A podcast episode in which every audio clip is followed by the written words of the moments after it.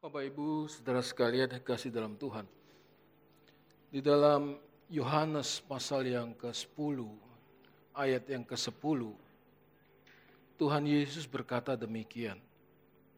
Pencuri datang hanya untuk mencuri dan membunuh. Maaf saya ulangi. Pencuri datang hanya untuk mencuri dan membunuh dan membinasakan. Aku datang supaya mereka mempunyai hidup dan mempunyainya dalam segala kelimpahan. Perhatikan ketika Tuhan berkata, "Aku datang supaya mereka mempunyai hidup dan hidup dalam segala kelimpahan." Hidup berkelimpahan, sebagaimana yang kita ketahui, bahasa aslinya adalah perisos, hidup berkelimpahan. Hidup berkelimpahan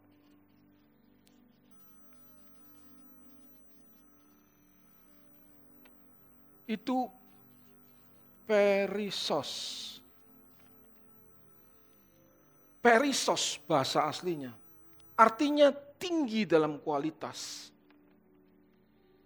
Tinggi dalam kualitas. Tinggi dalam kualitas. Nah, pasti kelimpahan yang Tuhan Yesus tawarkan itu adalah kelimpahan yang tidak terbatas, katakan amin. Tidak terbatas. Artinya, seberapa banyak kelimpahan yang Tuhan sediakan itu ingin kita raih dan ingin kita dapatkan, sebanyak itu juga kita bisa meraihnya. Itu maksud Tuhan kelimpahan. Sekali lagi, kalau Tuhan sampai menawarkan hidup berkelimpahan, maka kelimpahan itu pasti tidak terbatas. Tidak mungkin kelimpahan itu terbatas, saudaraku very highly in quality. Nah, sebanyak apa pun kita berusaha ingin meraihnya dan berjuang untuk ingin mendapatkannya, sebanyak itu pun kita bisa mendapatkannya. Jadi kita harus tahu dan mengerti bahwa Tuhan sudah menyediakan kelimpahan secara tidak terbatas. Tapi kitalah yang harus berusaha dan berjuang untuk meraihnya. Pertanyaan pagi hari ini adalah, kelimpahan yang bagaimana? Yang Tuhan sediakan yang sangat tidak terbatas itu. Kelimpahan yang bagaimana? Yohanes pasal yang pertama, ayat yang keempat, Tuhan berkata, Sebenarnya ini adalah kunci untuk kita mengerti kelimpahan yang bagaimana yang Tuhan sediakan. Di dalam Yohanes pasal yang pertama, ayat yang keempat. Dalam dia ada hidup, dan hidup itu adalah terang manusia. Nah, terang di sini memiliki banyak arti. Dalam bahasa Ibrani terang itu adalah or. Bahasa Yunani terang adalah fos, pos. Jadi kita harus mengerti lebih dahulu kalau Tuhan Yesus memberi kelimpahan yang tidak terbatas, pasti kelimpahan itu dalam terang Tuhan. Katakan amin. Kelimpahan itu dalam terang Tuhan. Dalam dia ada hidup. Dan hidup itu ada terang manusia. Jadi kalau Tuhan berkata, aku memberikan kamu kelimpahan. Kelimpahan itu yang pertama tidak terbatas. Yang kedua kelimpahan itu dalam terang Tuhan. Bukan tidak dalam terang Tuhan. Persoalannya kelimpahan yang bagaimana yang di dalam terang Tuhan. Atau kelimpahan yang bagaimana yang tidak terbatas itu. Nah, ini perhatikan saudaraku. Orang Yahudi menganggap bahwa terang itu di dalam tradisi orang Yahudi menganggap terang itu adalah tiga hal.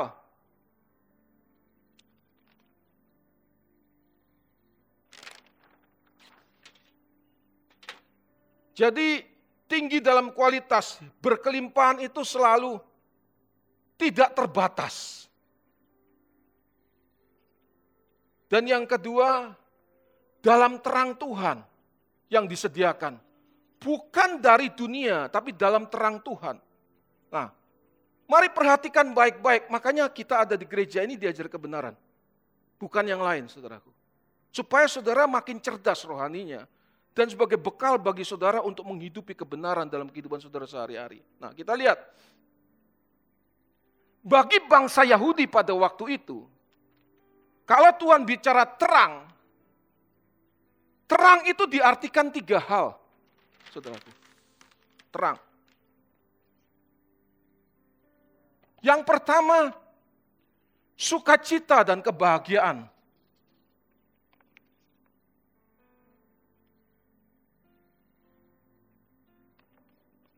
Jadi terang itu berhubungan dengan sukacita dan kebahagiaan, saudaraku. Yang kedua, terang itu berbicara tentang kesucian.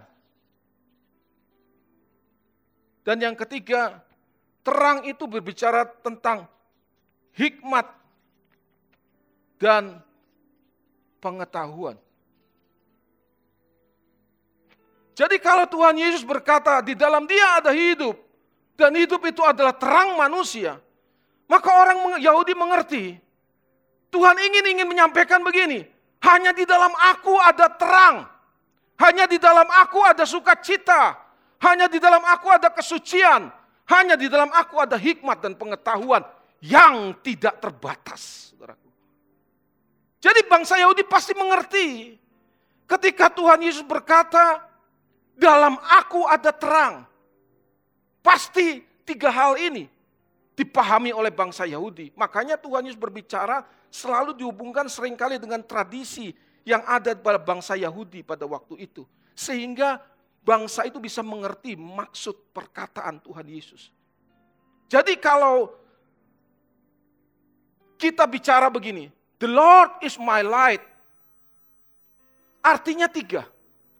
Tuhan adalah terangku, artinya Tuhan adalah sukacitaku atau kebahagiaanku. Tuhan adalah terangku, adalah Tuhan adalah kesucianku. Tuhan adalah terangku, adalah Tuhan adalah hikmat dan pengetahuan yang tidak terbatas, saudaraku. Tanpa melalui Tuhan Yesus, tidak mungkin seseorang bisa meraih kebahagiaan, kesucian, hikmat yang sejati tanpa melalui Tuhan Yesus. Mungkin saudara bertanya kepada saya, Kalaupun ada yang bisa meraih tiga hal itu tanpa Tuhan, maka semua ketiga hal itu bisa diraih terbatas. Terbatas, saudaraku. Hanya Tuhan yang bisa memberikan ketiga hal ini tidak terbatas. Mari kita perhatikan satu-satu. Banyak orang sukacitanya bisa dicapai kalau keinginannya tercapai. Betul? Dia sukacita kalau keinginannya tercapai. Tapi satu hal yang saudara harus tahu, ketika keinginan kita tercapai, kita sukacita. Tapi saya katakan terbatas. Kenapa? Pasti akan diikuti oleh keinginan yang lain. Betul? Betul? Saudara meraih level pertama, saudara pasti akan ingin masuk level kedua. Kebahagiaan itu tidak pernah puas. Yang dari dunia, betul? Saudara akan raih level kedua. Bisa raih level kedua, saudara pasti akan nuntut level ketiga. Terus. Nah, Ketika saudara menuntut level berikutnya dan belum tercapai, maka kebahagiaan itu mulai hilang. Betul? Kebahagiaan itu mulai hilang, sukacita itu mulai hilang, saudaraku. Karena kita tidak bisa meraihnya atau belum sampai bisa meraihnya. Kita pernah kehilangan kebahagiaan yang pernah kita capai sebelumnya. Tapi kalau kebahagiaan dari Tuhan tidak terbatas dan tidak bisa hilang untuk selama-lamanya, saudaraku kebahagiaan macam iya apa itu Pak? Mari kita lihat. Saudara ingat cerita tentang Tuhan Yesus berbicara kepada wanita Samaria di sumur Yakub. Tuhan bilang begini kepada wanita Samaria, kamu minum air ini, kamu minum air ini, kamu haus lagi. Kamu minum air yang berasal dari aku, kamu gak haus lagi. Kamu gak haus lagi. Kamu gak haus lagi. Jadi sesuatu yang dari Tuhan itu pasti tidak terbatas dan bertahan selama-lamanya. Oleh karena itu kalau kita benar-benar hidup dalam Tuhan dan mau berjuang untuk menjadikan Tuhan sebagai satu-satunya sumber kebahagiaan. Dengar baik, kita benar-benar hidup di dalam Tuhan.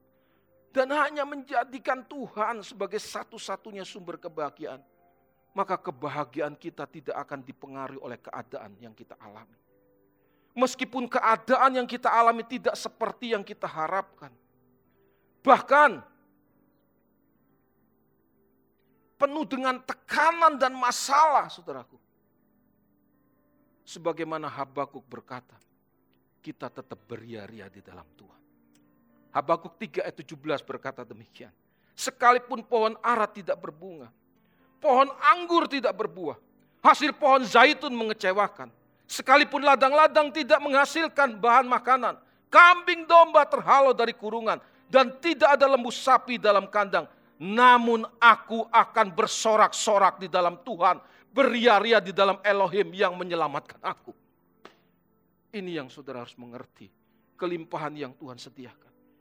Jika seseorang mencapai titik ini, level ini, inilah yang disebut sebagai kelimpahan yang dari Tuhan secara tidak terbatas.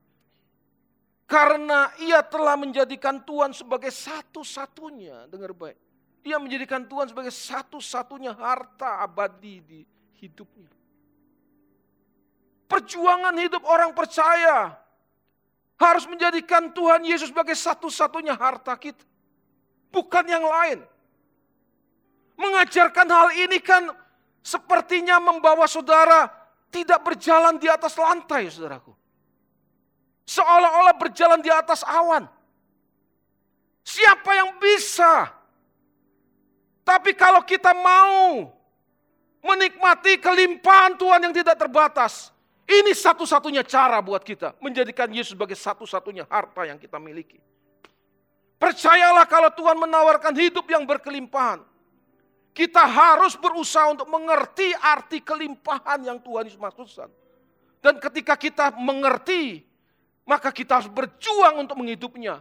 Meskipun tampaknya mustahil ketika kita harus mengaplikasikannya dalam kehidupan kita sekarang ini. Tapi ini satu-satunya cara untuk kita mengalami kelimpahan Tuhan yang tidak terbatas. Mungkin saudara bertanya kepada saya, bagaimana mungkin tetap bisa sukacita di tengah persoalan hidup yang menekan? Bagi orang-orang yang menjalani hidup sungguh-sungguh dengan Tuhan, maka di balik masalah yang paling berat sekalipun, tetap ada didikan dan ajaran Tuhan yang mengarahkan kita untuk makin mengenal Tuhan dengan cara yang benar. Amin. Saya ulangi sekali lagi, bagi saudara dan saya yang punya kerinduan untuk hidup sungguh-sungguh mengenal Tuhan dengan benar, maka pasti akan ada didikan dan ajaran Tuhan di balik setiap persoalan hidup yang kita alami di balik setiap persoalan hidup yang kita alami. Jadi kalau hari-hari ini saudara diberi kesempatan untuk mengalami peristiwa yang tidak menyenangkan, apa pun itu, apa pun. Saudara boleh beri list di dalamnya, apa pun peristiwa yang tidak menyenangkan. Saya selalu ulang-ulang di balik platform ini. Jangan minta Tuhan untuk kita bisa keluar dari masalah tersebut. Jangan cepat-cepat minta, tapi minta kepada Tuhan untuk mengajarkan jalan-jalannya, Supaya di balik masalah yang kita alami, kita bisa makin bertumbuh, makin mengenal Tuhan dengan benar. Mungkin pada awalnya kita alami masalah, kita tidak mengerti mengapa kita harus mengalaminya. Tapi dengan berjalannya waktu, kita mulai bisa melihat Tuhan mengajarkan jalan-jalannya kepada kita. Maka kita tahu bahwa semua yang terjadi justru mendatangkan kebaikan bagi kita pada akhirnya. Melalui semua itu, kau mengajarkan jalan-jalanmu. Dulu ku tidak mengerti mulia rencanamu bagiku. Semua yang telah terjadi mengubahku, mengubahku indah di matamu. Sungguh besar anugerahmu, ku ingat kebaikanmu selalu. Bapak Ibu Saudara sekalian, kalau kita bertekad menjadikan Tuhan Yesus sebagai satu-satunya harta kita yang kita miliki, apa pun boleh hilang, apa pun boleh meninggalkan kita. Tapi jangan sampai Tuhan meninggalkan kita. Maka percayalah kita pasti akan mengenal Tuhan dengan benar. Bahkan di balik persoalan-persoalan hidup yang kita alami. Kita akan makin mengenal Tuhan dengan benar. Di balik persoalan hidup yang kita alami. Di sinilah kita bisa memuji dan bersyukur kepada Tuhan. Di balik peristiwa-peristiwa hidup yang kita alami. Kenapa kita tetap bisa bersyukur? Karena kita bisa melihat keagungan pribadi Tuhan. Meskipun masalah hidup kita belum terselesaikan. Inilah yang saya katakan bahwa salah satu kelimpahan yang tidak terbatas yang Tuhan sediakan itu adalah sukacita. Mungkin saudara bertanya kepada saya apakah Bapak sudah sampai.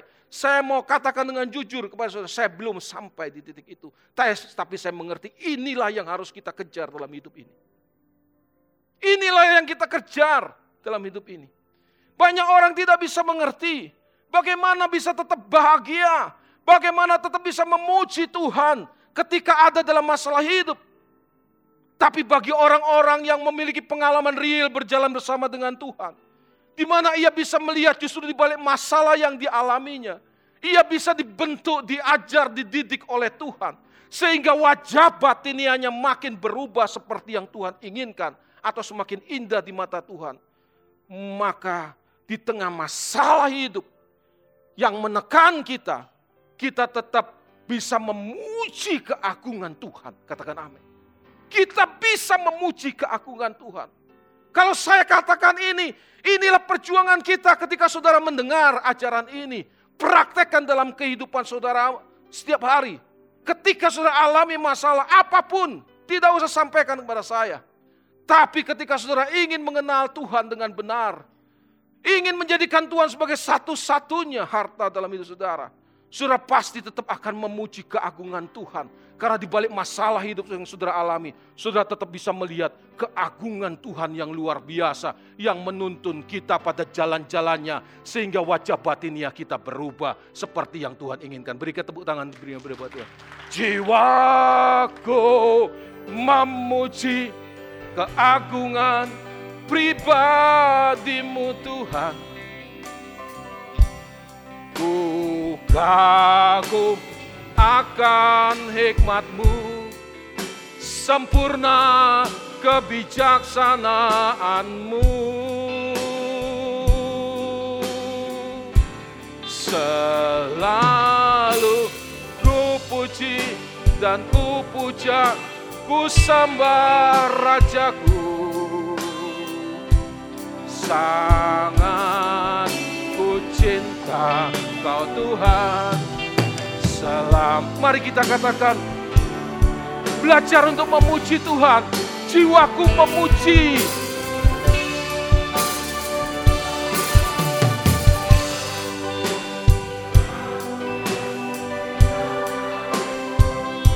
Ku kagum akan hikmatmu.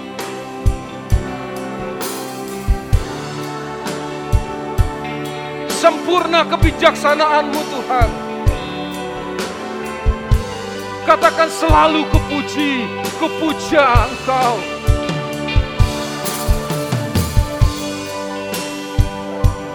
Ku sembah Rajaku. Sangat ku cinta kau Tuhan.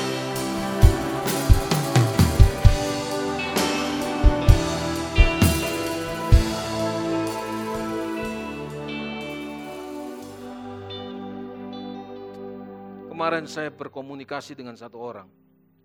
Saya mengenal hanya dengan dari medsos. Saya minta teleponnya dan saya telepon. Dia ada di Sulawesi. Dia bilang begini, saya tidak pernah ketemu dengan sumber yang mengajarkan ini Pak.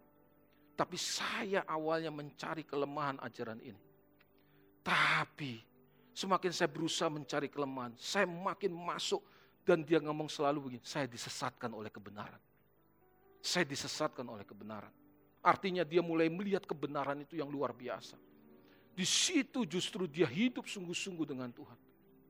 Dan dia berkata begini, saya sulit hari-hari ini Pak, sulit.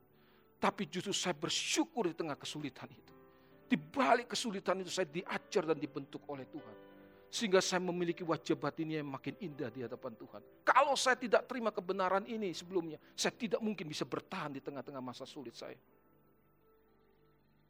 Saudaraku yang kekasih dalam Tuhan, apa pun persoalanmu hari ini, jangan minta kepada Tuhan untuk diselesaikan dengan cepat. Minta kepada Tuhan untuk engkau makin mengalami Tuhan di balik setiap persoalan-persoalan hidupmu. Sehingga wajah batinmu diubah oleh Tuhan. Saya mesti jujur berkata kepada saudara, kalau saya tidak pernah terima kebenaran ini, mungkin saya sudah tidak bisa bicara di balik mimbar ini. Masalah hidup, bukan saya mengatakan saya lebih hebat dari saudara. Masalah hidup saya berat. Kalau air itu sudah sampai sini, saudara. Tapi saya bertahan. Saya bertahan tapi yang saya mau katakan pagi hari ini, justru di balik masalah itu, saya bisa berbalik dari jalan-jalan saya yang salah. Saudara. Tanpa masalah seperti ini yang saya alami tahun-tahun belakangan ini, tidak mungkin saya bisa berbalik dari jalan-jalan salah. Tidak mungkin. Tidak mungkin. Model orang seperti saya tidak mungkin. Kalau saya mesti jujur berkata lebih vulgar, hampir point of no return. Hampir point of no return. Mungkin saudara lihat saya di balik mimbar, everything is well. Tapi semua itu hanya palsu, saudara. Sebenarnya saya kering kalau saya tidak terima kebenaran ini. Tapi saya terima kebenaran ini. Justru seperti orang itu dikejutkan dengan strom, dengan voltase yang tinggi. Langsung saudara, saya salah ya. Gitu saudara. Saudara bisa mengerti yang saya katakan? Mungkin saudara mengalaminya. Sulit untuk berubah, sulit untuk berbalik dari jalan-jalan yang salah. Tapi Tuhan pakai masalah, Tuhan pakai tekanan hidup. Seperti di setrum. Tapi masih hidup saudaraku. Waduh saya langsung balik. Ya ampun, sudah sejauh ini saya salah. Begitu saudaraku. Sudah sejauh ini saya salah. Tanpa masalah kita tidak mungkin bisa mengerti sejauh mana kita salah. Maka saudara terima kebenaran ini luar biasa. Ini bekal dalam hidupmu. Jarang ada gereja yang mengajarkan kebenaran ini. Jarang. Saudara. Dan saya mau katakan inilah sebuah hubungan yang berkualitas tinggi dengan Tuhan. Ini kualitas tinggi. Karena hidup kita berubah dan berbuah. Seperti yang Tuhan inginkan. Tapi kalau disampaikan di balik mimbar ini, saudara pasti diberkati, saudara pasti dipulihkan, saudara pasti ditolong. Dengar baik, semua orang pun ingin alami itu. Betul? Semua orang. Tapi tidak semua orang ingin alami kualitas hidupnya makin dirubah oleh Tuhan. Tidak semua orang berani menghadapi masalah-masalah hidup dengan tetap bersyukur dan memuji Tuhan. Kalau semua berjalan baik sesuai yang kita inginkan, bisa kita memuji Tuhan. Tapi ketika segala sesuatu tidak berjalan dengan baik, kita pun tetap bisa memuji Tuhan kalau kita makin mengenal Tuhan dengan cara yang benar. Tapi kalau kita tidak mengenal Tuhan dengan cara benar, kita nggak mungkin bisa memuji Tuhan. Kalau kebenaran ini disampaikan kepada orang yang tidak memiliki gairah yang sama, maka sangat sulit dipahami apalagi dimengerti. Sulit dipahami apa mengerti. Maka saya ajarkan kepada saudara di tempat ini. Karena kalau saya bicara di tempat lain, pasti tidak bisa dimengerti. Tapi kalau saya ajarkan kepada saudara, pasti sebagian besar sudah mengerti. Karena sekian tahun saya ajarkan hal yang sama, saudaraku. Tapi mungkin ada sebagian dari saudara masih belum mengerti. Dan masih bingung. Tapi saya cuma mau katakan kepada saudara, berjuanglah untuk mengerti karena ini adalah harta abadi saudara yang akan saudara bawa sampai dalam kehidupan kekal nanti. Mungkin hari ini saudara belum bisa menghayati apa itu harta abadi.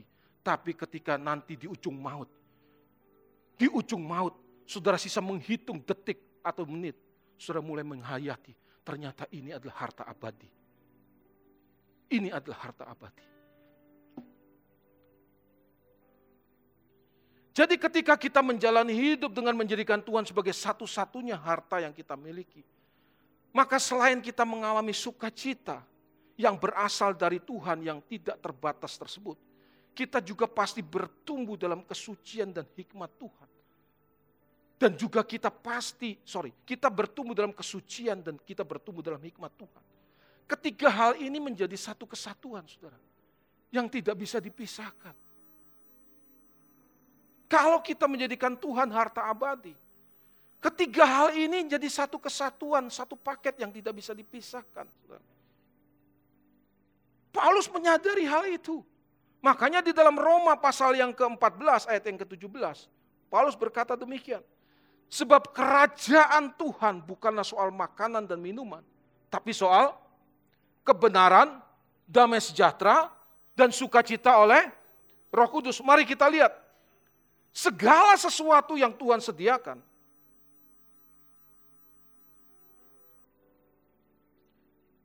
secara tidak terbatas, itu pasti tidak ada hubungannya dengan makan minum.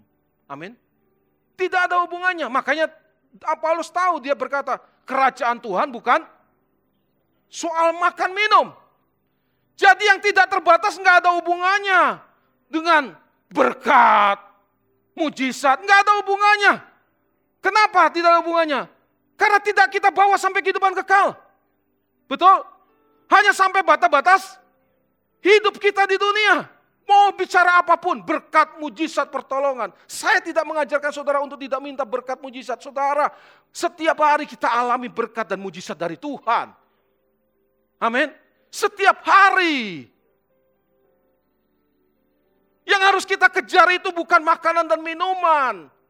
Yang harus kita kejar adalah kebenaran, damai sejahtera, dan sukacita oleh roh kudus. Saudaraku.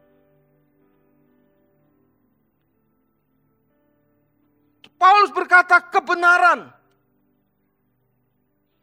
Orang yang hidup dalam kebenaran, pasti hidupnya akan dipenuhi oleh damai sejahtera dan sukacita yang berasal dari Tuhan. Betul? Betul? Pasti. Karena hidupnya makin kebenaran. Ada sukacita, damai sejahtera. Mana Pak yang dua paket yang lain?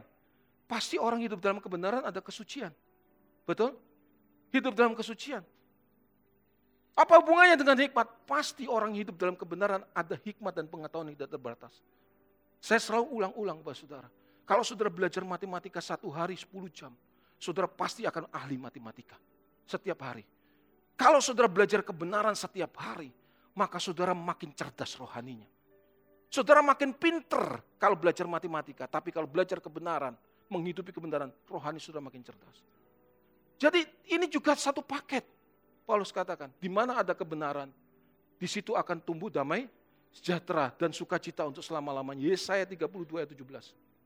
Yesaya aja sudah mengerti itu.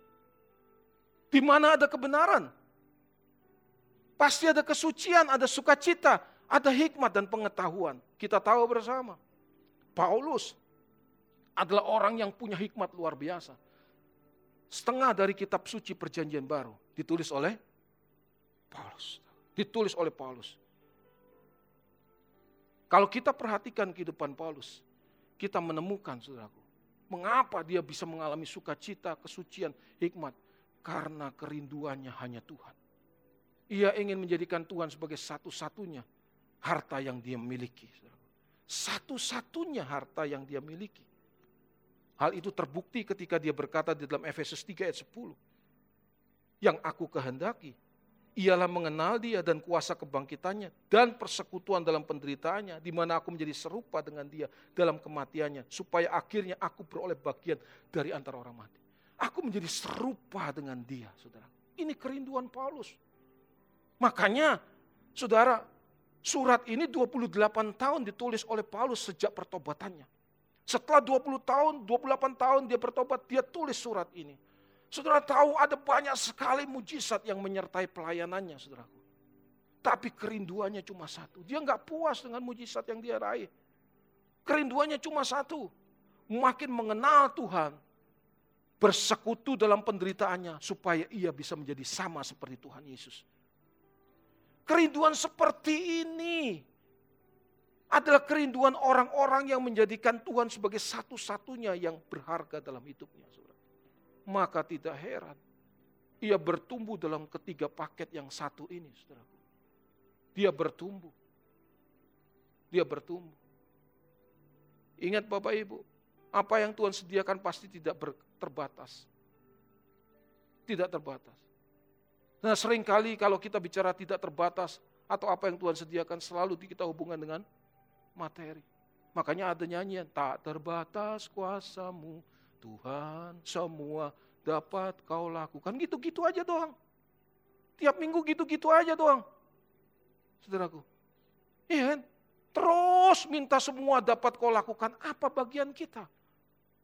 Maka saya selalu katakan, kalau kita masih bayi, di susu itu harus. Itu tugas orang tua. Dikasih susu, makanan yang bergizi harus.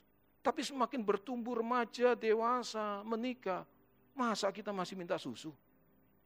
Hah? Masa kita masih minta susu? Mungkin sudah ketawa, iya ya. Tapi itu yang terjadi di gereja Tuhan hari-hari ini. Yang sakit disembuhkan, yang susah dihiburkan, terus begitu terus. Mungkin kita tidak sama sampai seperti Paulus. Tapi saudara, kita memiliki keinginan yang kuat untuk mengingini Tuhan melebihi apa pun, bahkan melebihi kita menikmati kesenangan-kesenangan yang kita bisa nikmati, maka kita akan bertumbuh makin bersuka cita, makin suci, memiliki hikmat. Perhatikan apa yang saya katakan. Dulu sebelum saudara terima kebenaran seperti ini, saudara dengan mudah mengatakan, oh saudara terima kebenaran yang lain, bahkan kebenaran yang palsu ini bagus. Betul? Ini bagus. Tapi semakin saudara bertumbuh, ingin terus dibombardir, hadirkan Tuhan hartamu yang paling utama. Mau serius meskipun jatuh bangun ketika menghidupi kebenaran. Tanpa saudara sadari, saudara bertumbuh dalam hikmat dan pengetahuan. Saudara mulai mengerti ketika saudara menerima kebenaran yang palsu. Saudara mulai berkata, ini palsu ini sudah tidak bisa didengar. Jangankan saudara mengatakan ini bagus, ini sudah tidak bisa didengar. Ini sudah tidak bisa didengar. Itu hebatnya kita bertumbuh dalam hikmat Tuhan. Dan setiap saudara sedang bertumbuh hari-hari ini. Nah ketika kita memutuskan ini pasti dianggap sombong. Halo? Dianggap sombong. Tapi tidak mengerti. Mereka tidak mengerti. Kalaupun mereka ada dalam perjuangan kita. Sama seperti perjuangan kita. Mereka pasti juga sama seperti kita, saudara. Tidak bisa menerima yang palsu. Kalau kita terbiasa bergaul dengan barang asli, kita pasti tahu dengan mudah barang yang palsu. Sekecil apa pun kepalsuan itu. Saudara. Tapi kalau kita tidak terbiasa bergaul dengan barang asli, kita tidak mungkin tahu barang yang palsu. Saudara. Maka saudara ada di tempat ini bergaul dengan barang asli. Kebenaran-kebenaran bukan kita mengajarkan kita lebih hebat, tidak. Saudara juga boleh cari kebenaran yang lain. Yang saudara merasa bahwa ini juga benar, enggak masalah saudaraku. Tapi yang saya mau katakan di tempat ini, jual barang original. Tapi kita jual barang original seperti ini dengan harga yang mahal, siapa yang mau beli? Itu masalahnya saudaraku. Karena di tengah dunia yang penuh hedonisme, orang ingin meraih kenikmatan senikmat-nikmatnya. Gereja menawarkan gereja makin penuh. Di sini ditawarkan hal ini. Siapa yang mau beli? Tapi saya percaya Tuhan sedang menyisakan orang-orang yang punya hati nurani yang baik. Yang dia sadar hidupnya sementara dan dia mau berjuang bukan untuk hidup sementara, tapi di hidup kekal nanti. Berikan tepuk tangan yang meriah buat dia.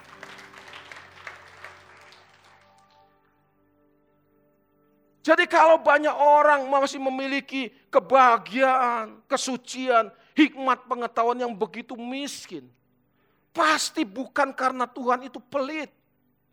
Bukan karena Tuhan menahan berkatnya. Tapi karena kitalah yang tidak mau berjuang serius dan sungguh-sungguh untuk menyerap sebanyak-banyaknya berkat yang Tuhan sediakan itu. Untuk menyerap sebanyak-banyaknya. Kalau untuk harta dunia kita mati-matian ingin mengambil, meraihnya.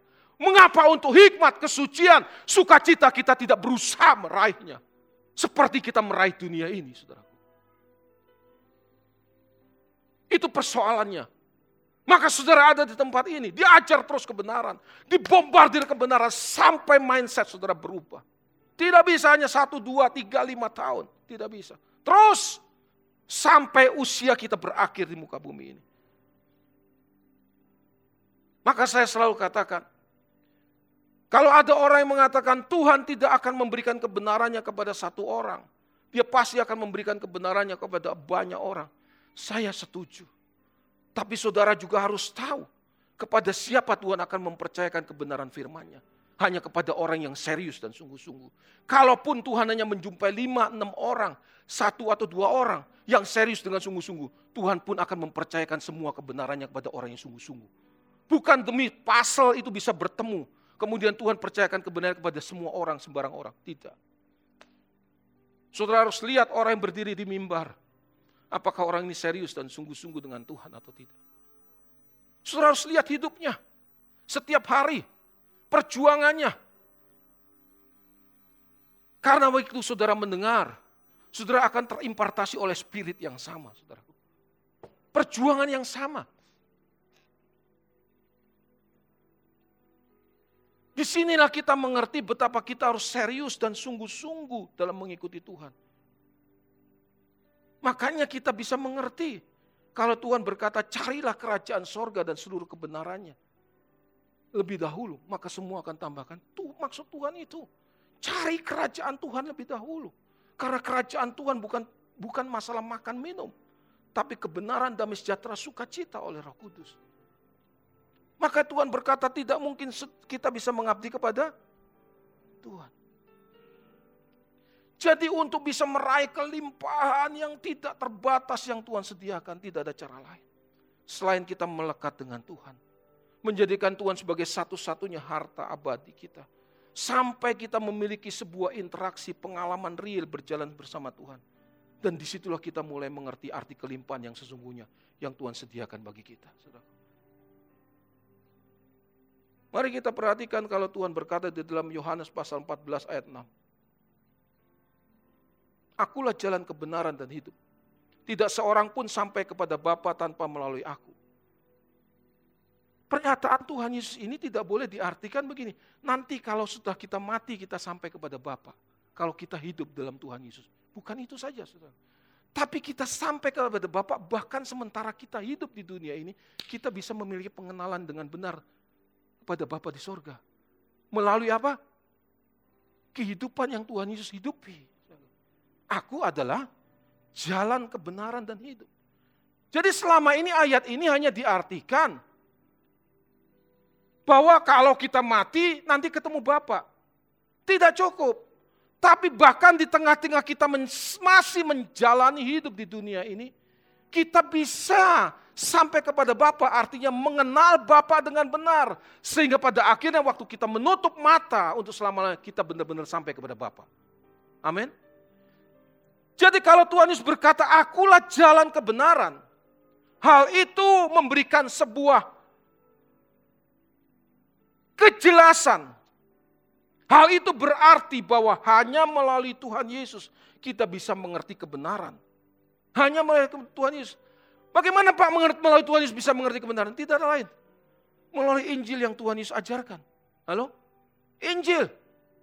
Kita kupas Injil sampai kita mati pun saudara begitu kaya luar biasa.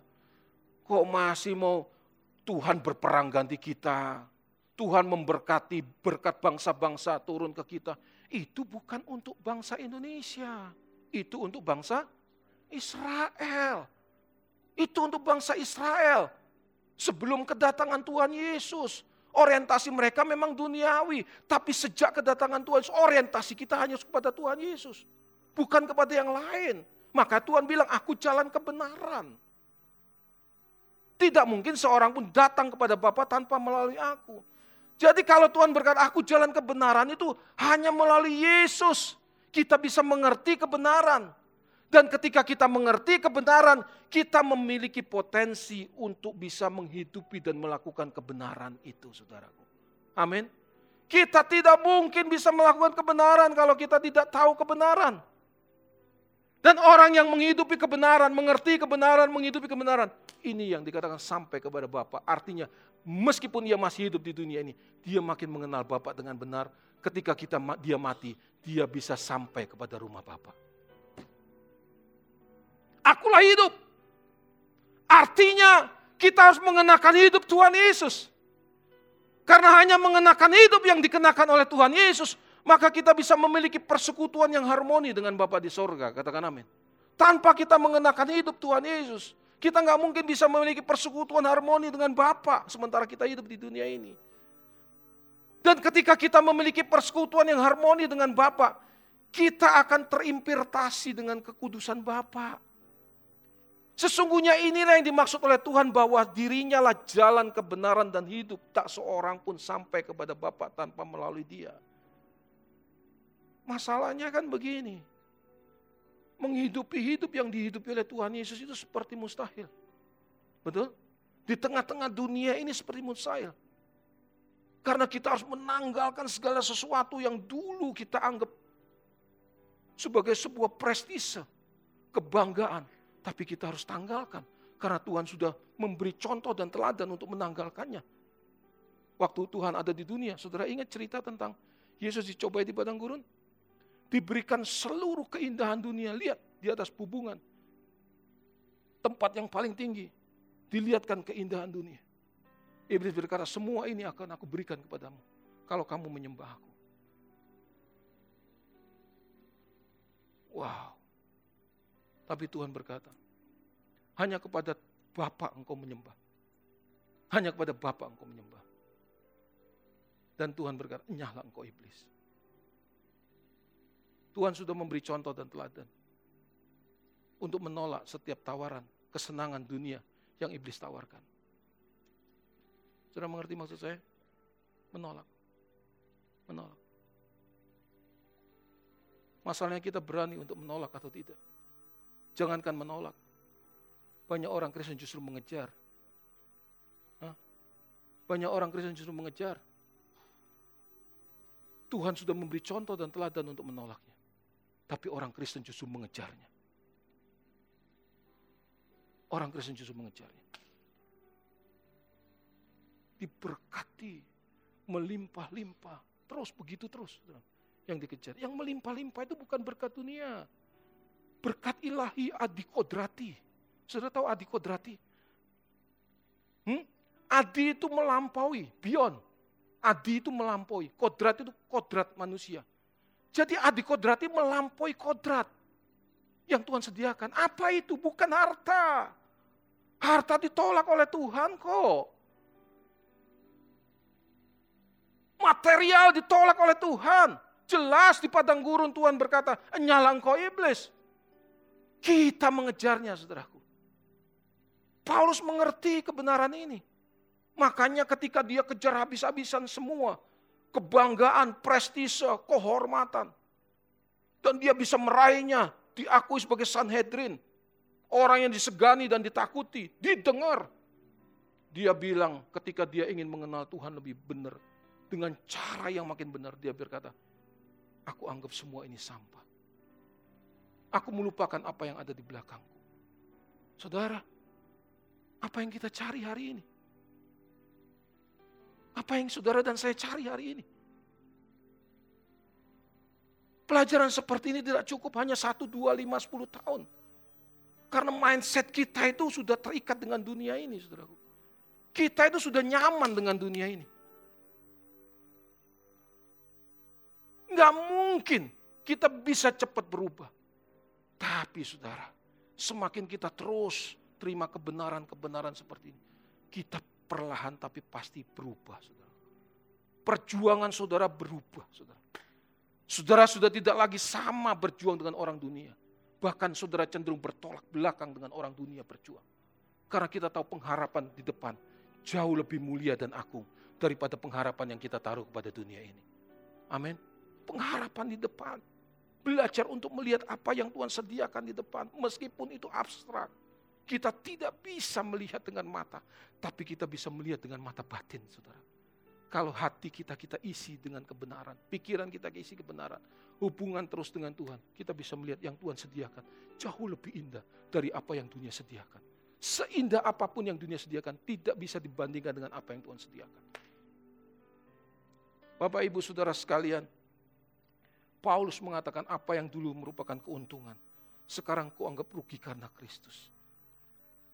Bagi orang-orang yang masih mengharapkan untuk dibahagiakan oleh dunia ini, ia tidak bisa mengerti dan memahami pernyataan ini, saudara.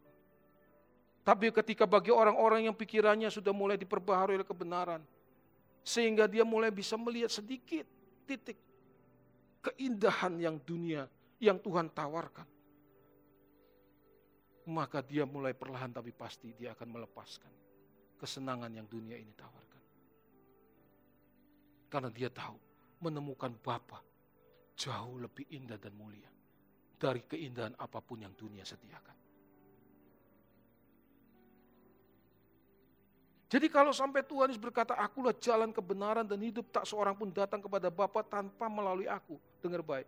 Seolah-olah Tuhan ini mengatakan begini, mari ikut aku, belajar kebenaranku, hidup menurut pola hidupku.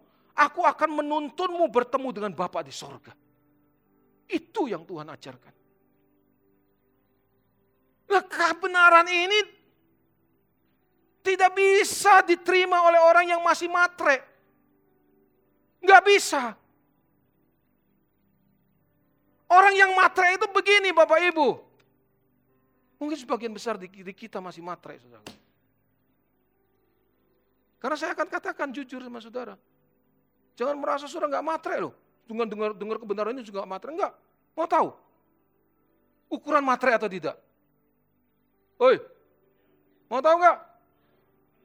kita merasa tidak bisa hidup tanpa uang. Itu masih matre.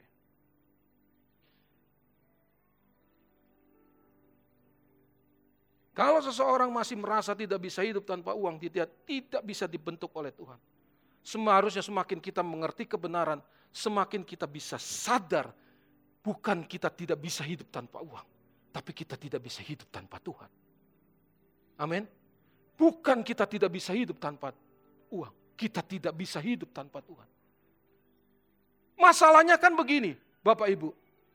Seolah-olah banyak orang merasa uang itu adalah segalanya, Bapak Ibu. Uang itu adalah segalanya. Mungkin saudara bertanya kepada saya, tapi Pak kita kan perlu uang.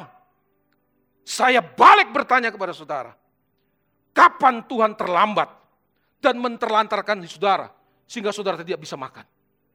Saya tanya sama saudara jawab, kapan Tuhan pernah menterlantarkan saudara? Dan tidak pernah menolong saudara sampai saudara tidak bisa makan. Mungkin kedua saudara bertanya kepada saya, tapi kan Pak, saya butuh lebih dari makan. Saya akan jawab kepada saudara, Tuhan jauh lebih tahu apakah kita memang memerlukan lebih dari makan atau tidak. Kalau Tuhan tahu bahwa kita yang kita perlukan lebih dari kita bisa makan, pasti Tuhan tolong tepat pada waktunya. Pasti Tuhan tolong tepat pada waktunya. Saya bicara seperti ini karena saya membuktikan melalui hidup yang saya jalani. Perjalanan panjang. Bagaimana saya mengalami didikan Tuhan yang luar biasa. Saya pernah takut untuk menghadapi hari esok padahal masih ada uang. Ini yang saya katakan kita masih terikat oleh materialisme. Sampai satu titik ada suara kecil berbicara dalam hati saya. Tunjukkan kepadaku, apakah aku pernah terlambat untuk menolong engkau? Saya bilang tidak Tuhan. Saya tidak temukan. Kalau ngalami sport jantung sering. Karena hati kita masih melekat kepada dunia, saudara. Termasuk saya. Tapi, tunjukkan kepadaku. Mana masalahmu yang tidak aku selesaikan. Yang aku butuhkan. Bukan kau terus menerus meminta aku menyelesaikan masalahmu. Yang aku butuhkan cuma satu. Aku menemui karaktermu sama seperti karakterku pada akhirnya. Itu yang aku inginkan dalam perjalanan hidupmu. Kalau kita minta Tuhan tolong, Tuhan tolong. Kapan kita mau bereskan karakter kita? Kapan? Enggak pernah beres, saudaraku. Hidup ini mas, pasti ada masalah. Enggak mungkin tidak ada masalah. Masalahnya kapan kita bisa hidup sesuai dengan kehendak Tuhan. Itu masalahnya, saudara.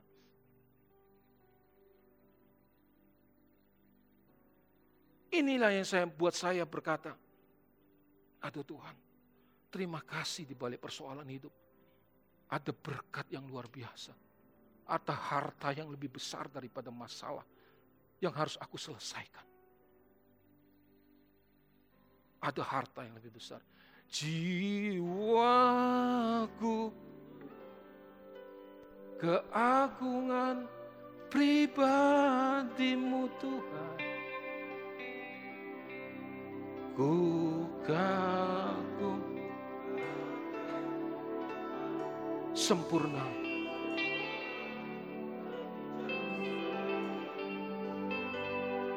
Selalu ku puji.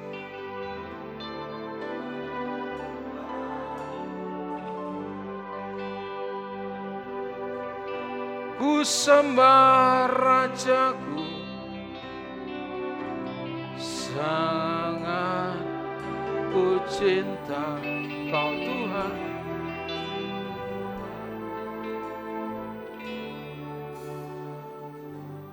Saudara bisa menghayati waktu saudara menyanyikan lagu ini. Karena saudara mengalami bagaimana dibentuk dan dipimpin oleh Tuhan. Tapi kalau saudara tidak pernah mengalami dibentuk dan dipimpin dan diajar oleh Tuhan, saudara nggak bisa menghayati lagu-lagu seperti ini, saudara. Nggak bisa. Maka lagu ini seperti ada spiritnya, saudara. Ada gairahnya di balik itu, saudara. Ada gairahnya. Hanya orang yang punya, yang bisa menyanyikan dengan powerful kalau dia menghidupinya, saudaraku. Coba kalau orang tidak menghidupi, suruh nyanyi ini. Kosong. Kosong, beda. Saudaraku, beda. Saya bisa membuktikan di hadapan saudara. Betapa hebat Tuhan membentuk hidup ini. Sampai kita bisa melihat kekayaan yang Tuhan sediakan di kehidupan yang akan datang jauh daripada apa yang dunia sediakan. Sehingga kita katakan, berani katakan, kalau aku hidup aku berwibawa. Tapi kalau aku disuruh pilih, aku pilih pulang ke rumah Bapak. Kalau aku disuruh pilih, aku akan pulang ke rumah Bapak. Karena perjuanganku di dunia ini sudah selesai. Dan aku bisa menikmati bersama dengan Bapak dalam kekekalan. Tapi kalau aku masih diberi kesempatan hidup, aku akan berbuang, berbuah-buah untuk Tuhan. Itu saja. Enggak ada lain. Saya katakan kepada saudara, sisa hidup yang saya jalani, saya cuma mau lakukan satu, berbuah untuk Tuhan. Supaya saya bisa dinikmati oleh Tuhan. Dan saudara yang saya layani. Itu saja.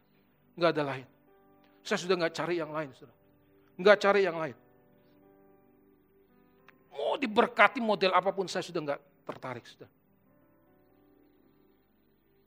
Saya nggak akan tambah rumah, nggak akan tambah, aduh kesenangan, nggak, saudara. Nggak. Hidup saya saya cuma abdikan kepada Tuhan. Untuk menyenangkan Tuhan. Kalau dulu kita dengar kebenaran seperti ini kan rasanya mustahil. Halo? Tapi semakin kita bisa melihat berkat Tuhan yang kekal yang Tuhan sediakan, perlahan tapi pasti kita rela menanggalkan dunia dengan segala kesenangannya, saudara. Kalau saudara ada tempat ini, saya cuma mengajak kepada saudara untuk berjuang bersama saya. Kita tidak akan menyesal kalau kita masuk dalam perjuangan ini. Kalau hari-hari ini banyak orang lebih memilih dunia daripada memilih Tuhan. Karena tidak ada kebenaran yang menuntun mereka, saudara. Tidak ada kebenaran. Hari ini ada kebenaran. Saudara ada di sini ada kebenaran. Diajar kebenaran. Seharusnya kebenaran tersebut mengubah mindset saudara. Sehingga perjuangan hidup kita itu berubah dan berbeda dengan perjuangan hidup yang orang dunia perjuangkan. Bahkan bertolak belakang, saudaraku. Ini yang saya selalu katakan di mimbar. Ajak saudara-saudara, orang-orang yang saudara kasih. Yang saudara jumpai siapa pun mereka untuk mendengar kebenaran seperti ini sebelum waktu mereka habis di muka bumi ini. Saudara, kenapa kita harus berjuang di dunia ini? Kalau kita sudah mati, kita nggak usah berjuang. Halo? Kita sudah mati nggak usah berjuang, bro. Justru kita masih hidup, kita berjuang. Ini untuk perjuangan orang yang masih hidup. Inilah saya katakan berani meninggalkan dunia sebelum dia benar-benar meninggalkan dunia. Saya katakan kan selalu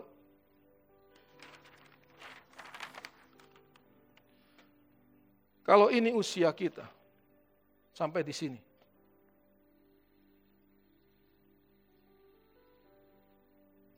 Selama kita terus-menerus mencari hidup,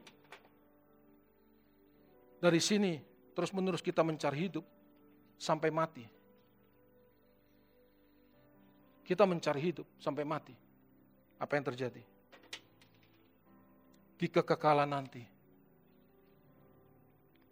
kita tidak mungkin memperoleh kehidupan yang sesungguhnya. Halo? Mencari hidup artinya begini, Tuhan berkati, Tuhan tolong, Tuhan pulihkan tidak. Tidak mungkin sampai di sini kita bisa memperoleh hidup yang sejati yang Tuhan sediakan. Tapi kalau sementara saudara masih hidup di dunia ini, belum sampai menutup mata untuk selama-lamanya. Tapi di titik ini, saudara memutuskan mati. Maka ketika di sini, saudara akan memperoleh hidup. Mati bagi dunia dan segala kesenangannya, saudara akan memperoleh hidup. Jadi kematian yang akan kita alami di sini hanya bisa kita kalahkan, dalam tanda kutip kita kalahkan dengan kematian. Kematian tidak bisa kita kalahkan dengan mencari kehidupan. Kematian hanya bisa kita kalahkan dengan mencari kematian, berusaha mati bagi dunia ini. Maka kita bisa hidup, saudara. Orang yang mati bagi dunia ini, sementara ia hidup di dunia, berarti dia hidup untuk Tuhan. Kalau dia hidup untuk Tuhan di dunia ini, dia pasti memperoleh hidup selama-lamanya bersama dengan Tuhan. Jadi maksud meninggalkan dunia sementara kita masih hidup di dunia ini adalah kita nggak mau terikat dengan dunia ini. Itu aja. Dunia ini nggak bisa kita harapkan Bapak Ibu. Karena semua akan berakhir. Semua akan berakhir. Tapi kalau kita jadikan Tuhan sebagai sumber kebahagiaan kita, kita akan menjadi mempelai Kristus abadi untuk selama-lamanya. Gairah ini yang membuat kita menjadi kesukaan Tuhan. Bapak Ibu Saudara sekalian, kehidupan yang Tuhan sediakan buat kita nanti di kehidupan kekal, itu tidak sebanding. Tidak sebanding dengan kemuliaan yang Tuhan akan berikan buat kita. Percaya sama saya. Makanya pada waktu kedatangan Tuhan Yesus kedua nanti. Paulus berkata di dalam 1 Korintus 2 ayat 9. Apa yang tidak pernah dilihat oleh mata, apa yang tidak pernah timbul dalam hati, apa yang tidak pernah kita dengar, itu yang Tuhan sediakan. Itu artinya speechless saudara. Ketika kita benar-benar mengasihi Tuhan dalam hidup ini. Berjuang serius. Sementara kita masih menjalani hidup ini.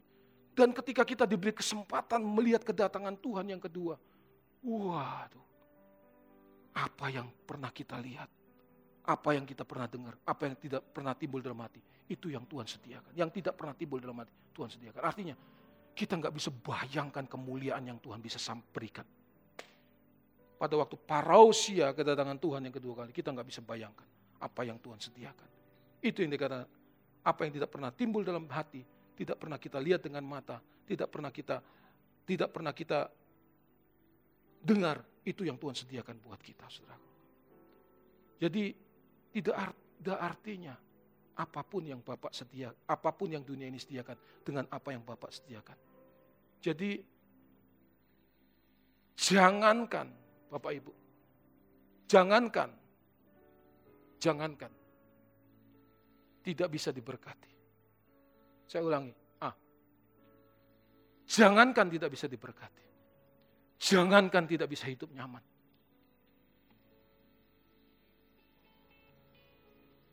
Jangankan tidak bisa menikmati seks.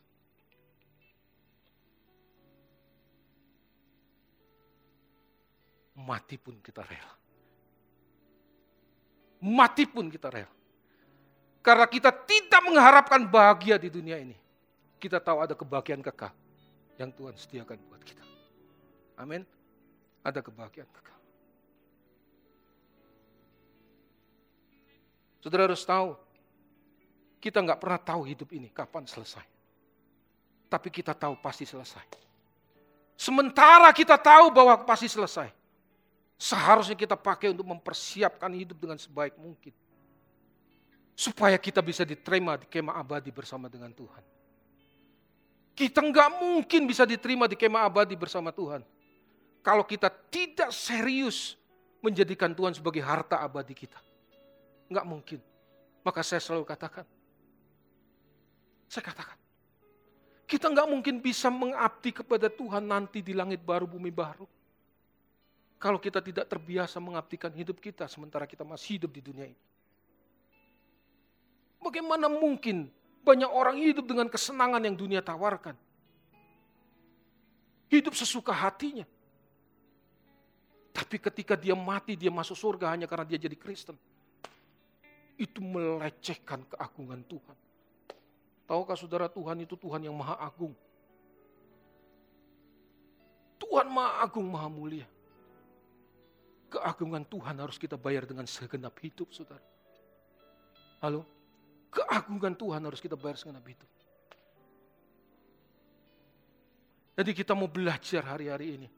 Kita tidak mengharapkan bahagia dunia ini lagi, saudaraku. Kita nggak mau mengharapkan bahagia dunia ini.